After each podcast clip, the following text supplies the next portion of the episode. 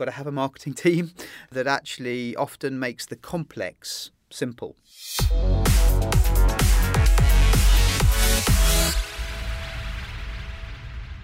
We're in English this time. What a relief. Jonathan Bean hails from London but has been working in Sweden with the PR software platform My Newsdesk since 2009.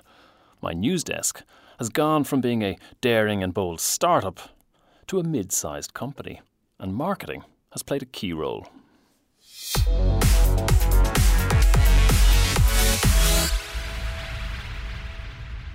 Jonathan Bean, Chief Marketing Officer at My Newsdesk. Welcome to Content Podden. Now, for the uninitiated, uh, tell us what do you do at My Newsdesk? What, what exactly uh, does a company get when they get a My Newsdesk account?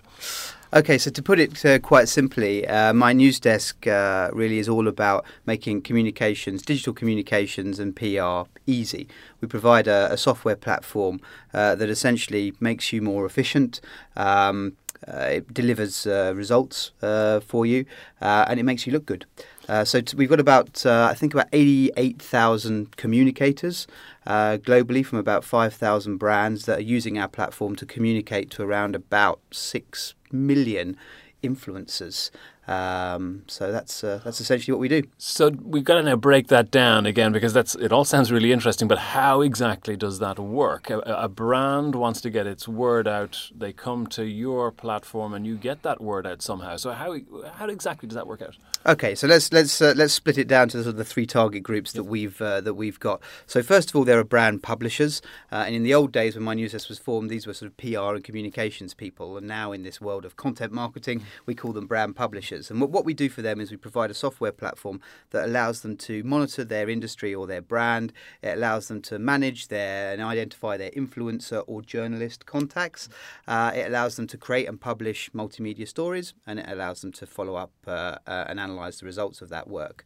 So that's one category. The other category is what we call the content market. And when my newsdesk was founded, they were the journalists that yeah. we uh, that we uh, thought. But now, you know, what is a what is a, a, a journalist? Is it an influencer? Is it a blogger? Uh, and, and with these group of people, we, what we're looking to do is really provide a, uh, a marketplace to both seek and gain professional opportunities. Uh, and then uh, the third uh, group, which we don't really, uh, you know, concern ourselves too much with, but it is the consumer market. I mean, we have about 1.6 million um, on a monthly basis. So, you know, that, that's those three markets that we actually serve. So a traditional PR agency would have would have helped a company get their word out, or they would have helped them write press releases and, and get it out to the media. Now you kind of don't need a PR agency if you're using my news desk. Is that the... the the idea behind my news desk was really you had a bunch of companies that could afford a PR agency, right? Uh, which right at the up at the top of the pyramid yeah. and down the bottom of the pyramid there was loads of, of, of great companies with a great story to tell, um, but uh, needed a platform to get their message out. And my news desk was really built for those uh, uh, for those companies. So I wouldn't say definitely say we replace PR agencies. We don't. I think PR agencies fulfil a really good role regarding creativity, regarding extra resources, regarding media relations. Uh, but we provide a very simple and effective platform to get your message out, whether you have a PR agency or not. Now, I've got some personal experience of my Newsdesk uh, working for another company a few years back that had nothing to do with marketing, but rather to do with running and every time we put a press release out on my Newsdesk, the, the SEO shot up. I mean, it was we were so easy to find on the net. So what, what's what's going on there? Because it was something to do with my news desk. It wasn't to do with the quality of the press releases I was writing. what's the special sauce? Is uh, what you're asking, yeah. right? So so I think I think last time I looked in, over the last seven years, I think there'd been about 32 different public official changes to the Google algorithm, uh, and that if you're a small company that's quite difficult to to keep on top of, uh, really. But it is one of our you know great great strengths. And I think within SEO, there's there's three factors that you really need to to look at, whatever the size of company that you are. Number one, it's the kind of the technical foundation that you've got for your site or your experience, and is everything you know right there. Number two, it's the it's the uh, quality driving authority with relevant and quality content around a particular uh, topic area. And then the third one is the external environment. So it's it's you know what what you would call in the in, in, the old days the kind of link economy or the the link strategy. And I think if you look at my news desk, we you know with of course, we always and consistently working on the technical foundation to ensure that we're keeping up with the latest Google Webmaster, you know, standards. Um, with with sort of over five thousand brands using the plot the platform, we're driving a lot of authority on various different topic uh, areas, um, and then also with that amount of sort of uh, customers as well, um, we are really using the the link um, economy, so to speak. The whole platform is built so you can, you know, you can relate various pieces of content which helps drive your SEO as well, whether it's photos, whether it's videos, whether it's uh, other news pieces. It's those three uh, building blocks which, you know, if you were to go out there and, you know, hire the world's best SEO consultant, they talk to you about those three building blocks. How do you then differentiate yourselves from competitors? I mean, if we, I, am sort of assuming Meltwater or Cision are the kind of competitors you have. What makes you different? Yeah, good good question. Um, I don't think it really matters what, what I think uh, makes us different. I think um, uh, what really matters is kind of what our customers say to us. And you're right, you know, all of those companies that you mentioned, we're all in the, the PR tech uh, segment, which is which is, is really exploding actually because of the uh, the faith I would say in, in earned media as opposed to necessarily paid media. But um, I mean, what certainly what our customers um, say to us when we when we do surveys is, is, is three things that stand out really. Number one is sort of the the UX, the user experience of the My News Desk platform. It's it, it's extremely simple uh, to use and it's a really nice uh, experience. Uh, number two uh, is customer service. I mean, it's a very personalized um, and customer service, and it's an area that we look at very, very much to differentiate ourselves in the era of kind of I'd call them Me Too cloud services. You know, everyone's got a little chat chat widget on the the box, so customer service is a big area together with our UX. Um, you know, and the third thing is being an all-in-one tool. Um, you know, with the marketing technology landscape, you know, there were thousands of logos for anyone that's looked at that whole Martech landscape. Yeah. It's a complicated world out there for communicators or marketeers. And to have everything in one platform, which you can, you know, our biggest pain point for customers is time and if we can give them that all in one platform. So I think if I was to set ourselves up uh, from the competition, they would be the three things: kind of UX, customer service, all in one tool. And are they the keys to your growth as well? Because you've had crazy growth, right? I mean, tenfold growth over the over the last ten years, something like that. Has, has that been the key, or, or what's the key?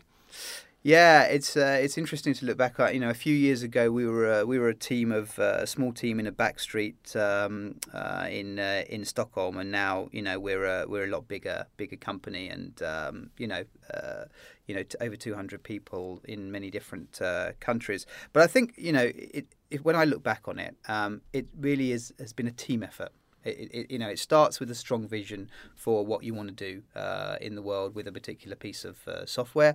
Um, then, of course, you've got to have you know killer developers and product managers putting that product together. You've got to get it out in the in, in the market. Then you've got to you've got to have a marketing team that uh, that actually often makes the complex simple and can get that message out in, in various channels. And then you've got to have a super sales team that can actually, you know, both acquire customers and can drive that loyalty over years. And when I look back on our on our growth, I think um, you know it's been that team effort which has driven the driven the success. It's not one, you know, um, and, if, and, if, we can isolate one, which is the area we're interested in, marketing and yeah. communication, I mean, what have you guys done uh, to, to lift my news desk? Yeah, I, I, think marketing has played a very, very important part. I mean, back in the early days, um, marketing for us when we didn't have any budget or any kind of resources was really much about sort of being a challenger brand. So we were a challenger brand against the traditional way of, of, of, doing PR. So that involved things like going and dressing in, you know, red costumes at mm. events when we couldn't afford a stand or something like that and, and, and asking difficult questions and, you know, making us stand out and make, making us challenge the market. And I think, you know, we've we've we've also grown a sales team. Every sales conversation that, that a salesperson have, that is a, a part of brand marketing uh, as well. Um, and in our content marketing, what we've tried to do is actually um, be really aware of the problems that we're solving for for customers uh, and try and write about those. Um, and one of the things that I asked about, um, uh, I think it was when we um, expanded uh, into the UK actually, and uh, I asked the customer, "Why did you buy us?" You know, we were an unknown brand uh, there, and they said everyone I spoke to at my news desk actually really knew what was going on and what was facing communications, and you could provide a really good answer. So, aside from just the technology platform that you provide, it's your people's um, experience. So, I think you know that's what we've done. Everything from physical to digital presence. We've tried to be a um, I hate the word thought leader, but um, but I guess you know someone that's showing what the future of communications could look like when you talk about everybody understanding, I mean that's a big internal communications job then as well. I guess if you want, if everybody internally at my news desk, you know, understands when a marketing manager or somebody rings that we, they, like we get your problem and we're interested. I mean that's a job in itself. That is uh, that's outside of paid media or earned media or even owned media. It's it's something else. Then have you, have you been working with that? Yeah, we, we definitely have, and I think one of the biggest changes from marketing, you know, over the over the years has been. Um, that we've gone from this, you know, anyone that studies marketing has studied the whole four Ps. Uh, and I think, you know, a piece of work came out a couple of years ago which said the four Ps have suddenly become this framework called SAVE. You know, so you've gone from product to thinking about solutions. You've gone from place to thinking about access. You've gone from price to thinking about value. And you've gone in the promotion bit, you've gone to education. Uh, and I think that's where content marketing comes in a lot. Is the question that you need to ask yourself is, you know, whether it's your employees or your customers, what problems are they facing, and how can I answer those problems in a piece of, of, of content? And I think that's what we've done. Yes, we've done a lot of that internally. We've just created a digital PR academy actually that people can, you know, go in if you're new to PR, if you you've never you know worked in that area or communications, you can go in and there's a you know there's a four different modules that you can study and you can take an exam for and you can get certified. Um, and we're adding a couple more modules uh, this year as well. Um, and yeah, it's a big it's a big job to do both internally and externally. Um, but the better your people are educated, the better, of course, your customers will be educated. Absolutely. And obviously, I mean, really interesting content marketing initiatives that you're you're talking about there. And obviously, I'm delighted to hear that you're interested in content marketing, since that's the kind of agency we are as well. I mean, how much of your investment then is, is content marketing versus paid media versus you know the PR, which is which is the area you're in as well, if, even if it's a software platform. How do you differentiate there? Yeah, so I mean, if you look at uh, if you look at um, uh, our paid media spend, that's about forty percent, only about forty percent of mm. our uh, of, of, of our budget, mm. um, and uh, we put a, a lot of uh, of um, uh, a lot of budget into in, into content marketing, not just buying services um, from agencies, but also actually in terms of our resources internally, yeah. they're producing a lot of content, yeah. you know, all the time. And I think that is one of the areas that uh, that companies need to to focus on. Really is uh, when when I look at companies both big and small, some big companies are obviously producing a lot of content, um, and there's this often this argument about quality versus quantity content. I stand much more on the quality side of the argument yeah. rather than quantity side. But if you look at if you look at um, uh, take a media example, if you look at uh, the Washington Post versus the New York Times, now I think you know, last year the Washington Post actually uh, topped the New York Times in terms of uh, unique visitors, and that was quite an achievement because they were, you know, far below that. They are producing around about 1,200 articles per day. Uh, some of those via algorithms and robots, and uh, some of those via actual quality, you know, people. But I think the reality for most companies, whether you're a one-man band or you're a, you know, a multinational uh, with hundreds of thousands of employees, is probably you need to produce more content than you're doing today. So when it comes to yourself, if it's forty percent paid, is it for the most part content marketing after that then? For because you have the platform, yeah. PR wise. Yeah. yeah, I think I think uh, when I look at our different uh, um, channels, um, there's a lot of uh, there's a lot of content that we do. Um, so all of our local marketeers in the different markets are constantly writing, you know, different content. We have different content themes through the years as well. Mm. So we may have uh, we have a content calendar. You know, we may address four different themes, and within that, lots of different sub sub themes. Um, at the moment, we're looking at, um, at, at, at the PR workflow, the different parts parts of the PR workflow. In the previous quarter, we, we, we looked really about, you know, what is the future of communications. We, we produced a piece called this PR revolution. Um, but another big area for us is events. Uh, in-person right. events, and and when I look at sort of what channels are successful, uh, for my news desk. So sure, the paid part you need to do that, and, and you need to be there on, on every one of those channels. But the two channels I think which which you know stand out for me are um, email marketing You know, still, uh, some people I've seen articles saying email is uh, dead. Well, not for us. It's it, it's not. It's such an important owned channel, and it's not dependent on whether Google changed their algorithm, algorithm, or Facebook change. You know, uh, the way they uh, show posts. We control that channel. Um, so we can, you know, invite people to maybe a digital I- event Yeah. and send out an email this week. And we had a thousand attendees register for one of the webinars we're, we're doing later this month. So email is really, really important to us. And another big area for us is in-person events too, because I think that's where you where you can really get close to your customers and you can provide real value. Again, they are expensive though. Um, But they can be both a, a, a very good um, acquisition channel, but also a very good um, retention and loyalty uh, experience. Can you measure a return on those, on both? On, on, the, on the email, probably easier because you see the amount of respondents. On, on the events, can you measure a return on that investment? Yeah, absolutely. I mean, because you can look at the number of uh, attendees that are coming to a particular event, you can break it down into okay, which ones are prospects and uh, which which are part of our acquisition funnel, uh, which are customers today, and which are part of our you know retention and loyalty funnel, and then you know you can measure their activity um, in, in various months. So yeah, we can definitely. Um, see the return on investment. Good. How is the team organised and how do you split up the work then? So yeah, we did a reorganisation of marketing um, about uh, eighteen months ago uh, now, and um, we have about twenty-two people split over around about six different geographic markets, but they're in three different functions.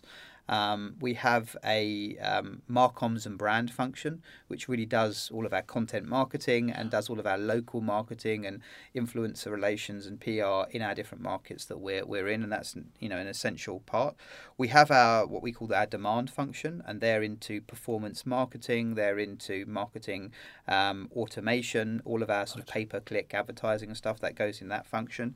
We've got our product marketing function, so they looks at the, the experience within the product and some of our own digital assets. How can we, um, you know, drive uh, more, you know, effectiveness through those platforms?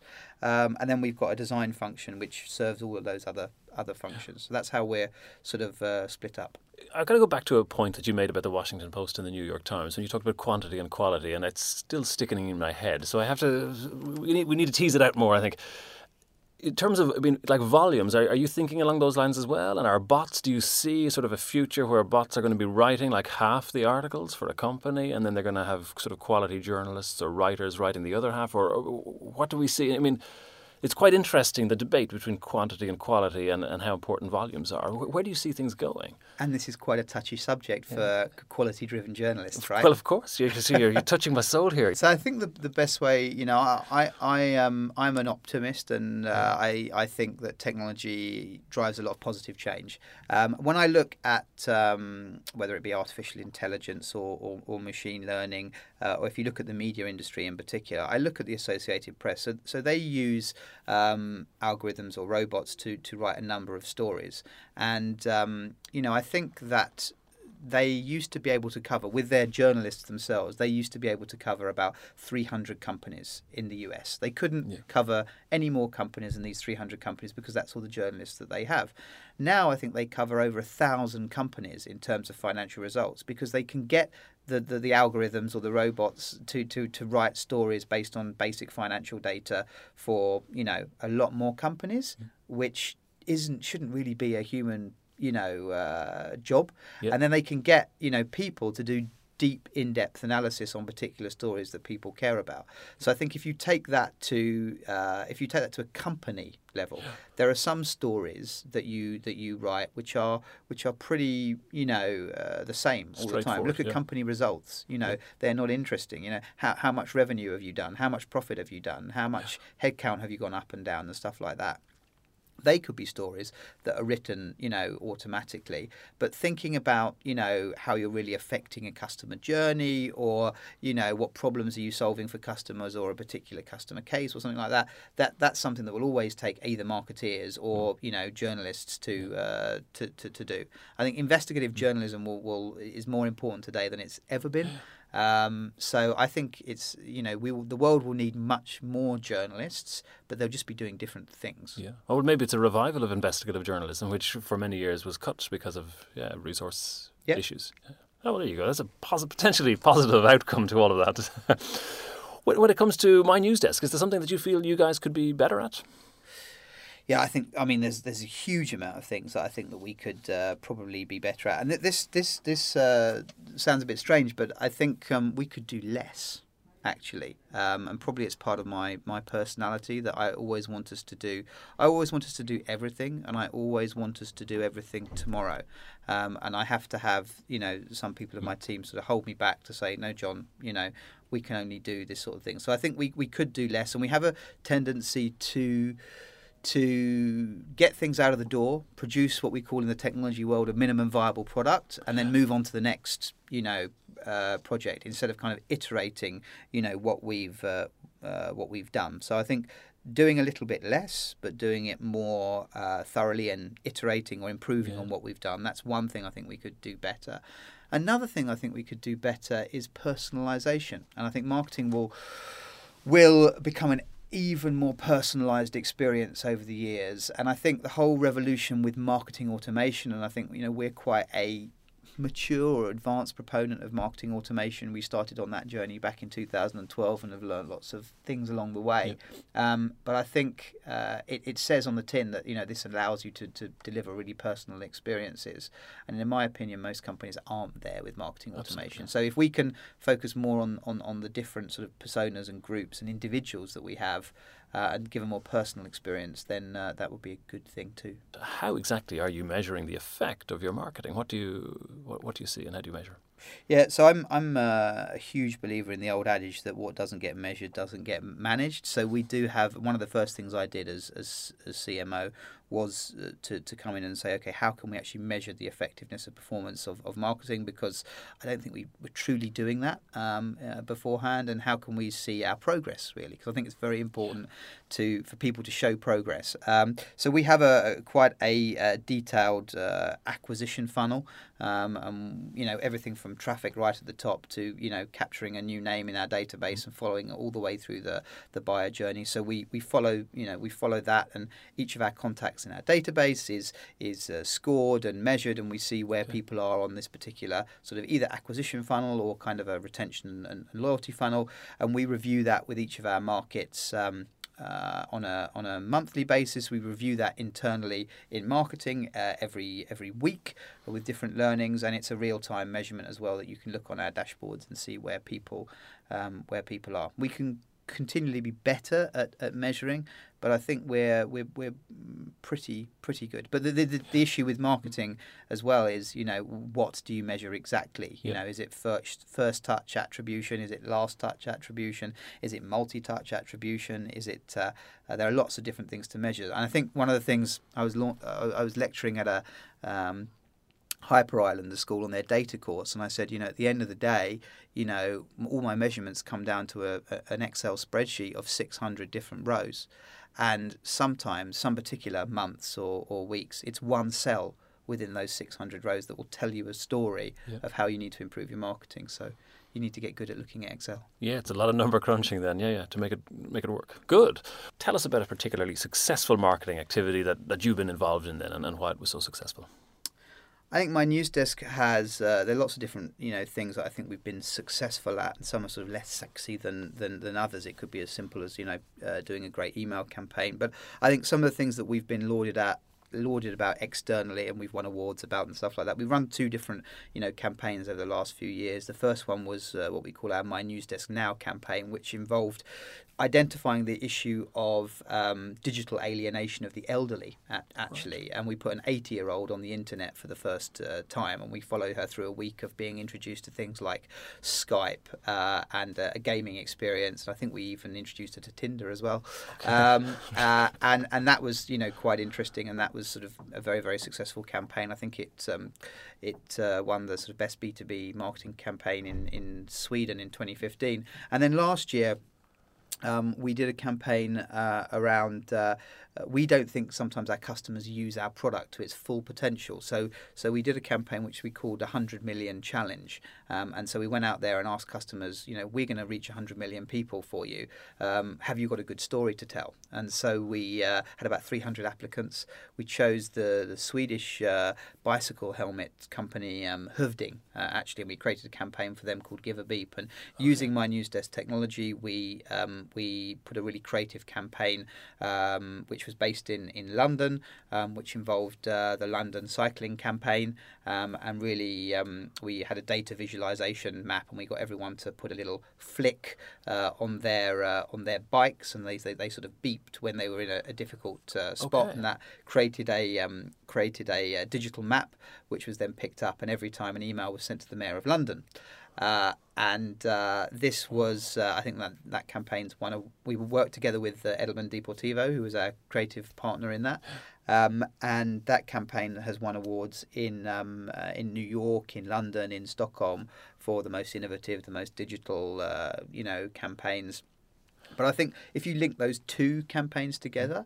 Um, what they did was they used the power of purpose-driven storytelling to tell a really important story and of course, for us as a software brand, it's important that our software is, you know, we're doing all the communication through that. So it, it, it really shows you that with a bit of creativity and a bit of new thinking um, and a good piece of kit in terms yes. of technology, you can really reach out to um, you know millions and millions of people. So, and could yeah, we, you could we, you reach 100 million? Yes, we reached uh, 100 million. Now you know vanity metrics are uh, something that I uh, have a, a, bit of a laugh about within within marketing. So we reached uh, you know 100 million people in terms of sort of earned media reach, but it wasn't the it wasn't you know it wasn't the point. Uh, it was actually the point. Could sure. we be really creative, yeah. uh, and could we um, uh, could we use purpose-driven storytelling using our tool to to create a whole other sense of, of feeling around a particular um, brand? So I think those mm-hmm. two two campaigns um, hopefully give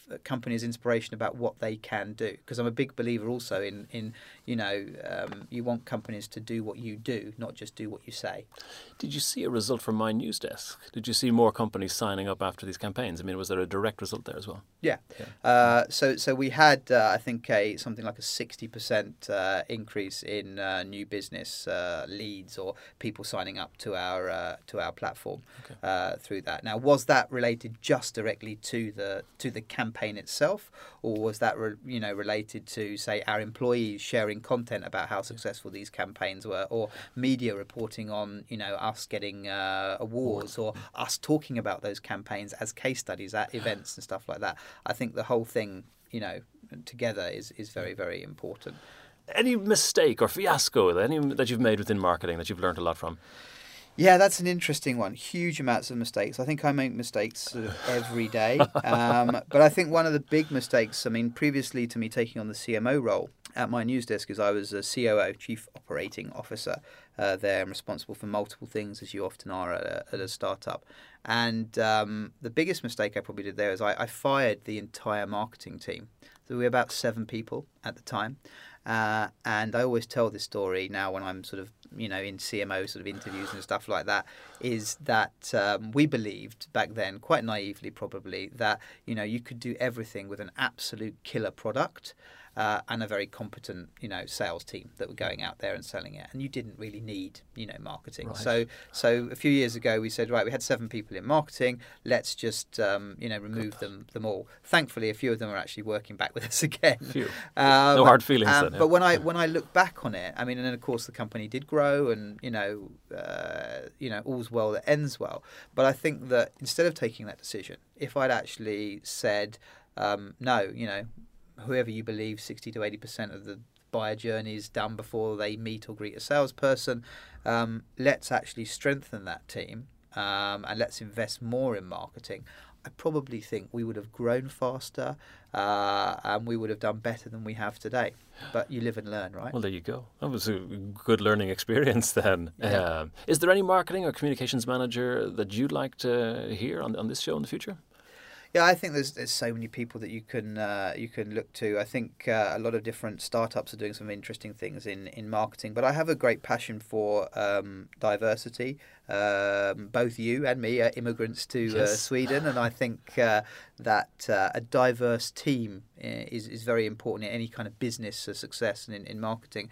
And I'm quite inspired actually what what Volvo have done around their whole made uh, made by Sweden uh, campaign um, because that focuses very much on diversity of their uh, their workforce, and I know that they actually you know practice what they preach internally there as well. So I'd be quite interested to see to see uh, different campaigns that focus on the diversity of uh, organisations. If you can dig into that, that would be very interesting. We will have to get a hold of Volvo. Others have mentioned them before, so we'll have to make sure they get back to us. Um, is there any advice that you'd give to a, somebody new as a marketing manager today?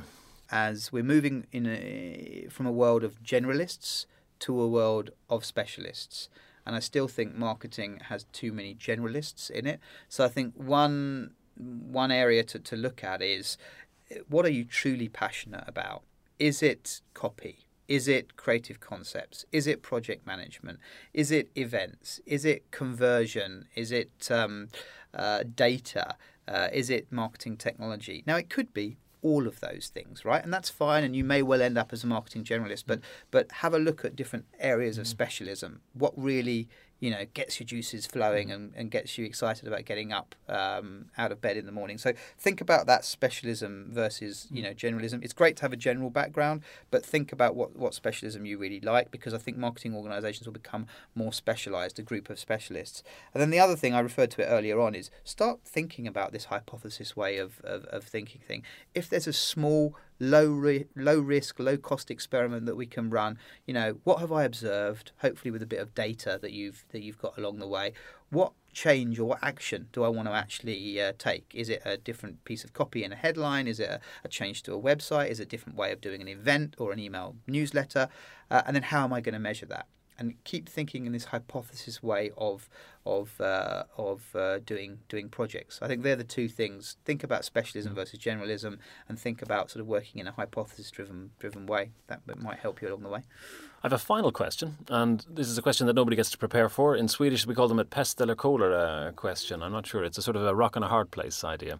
So you've got two choices, and you're going to pick between one or the other. And one choice is that. Uh, you're no longer allowed to send out email newsletters again in your marketing for Mynewsdesk. And the other one is that you're no longer allowed to measure the effect of any marketing efforts you're doing whatsoever. So you've got to choose. If you would you take away all data analysis and measurement, or take away email uh, marketing?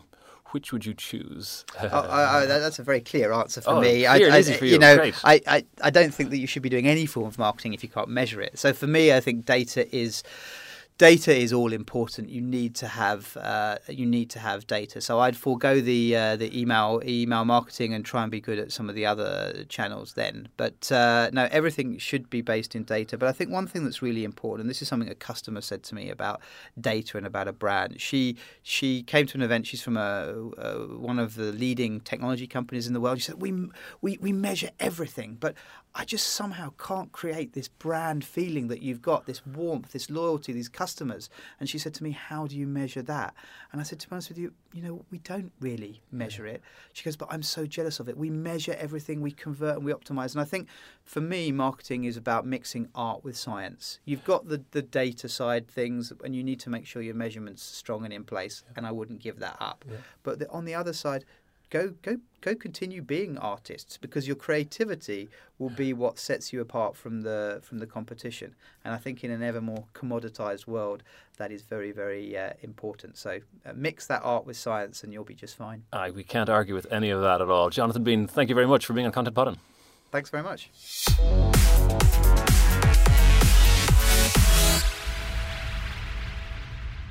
You've been listening to Content Podden from the content agency Breed. You'll find us at breedcontent.se. Check us out there and give us a call if you've something to talk about. And we do love ratings and reviews on iTunes, so don't hesitate. Pretty please. Thanks for listening.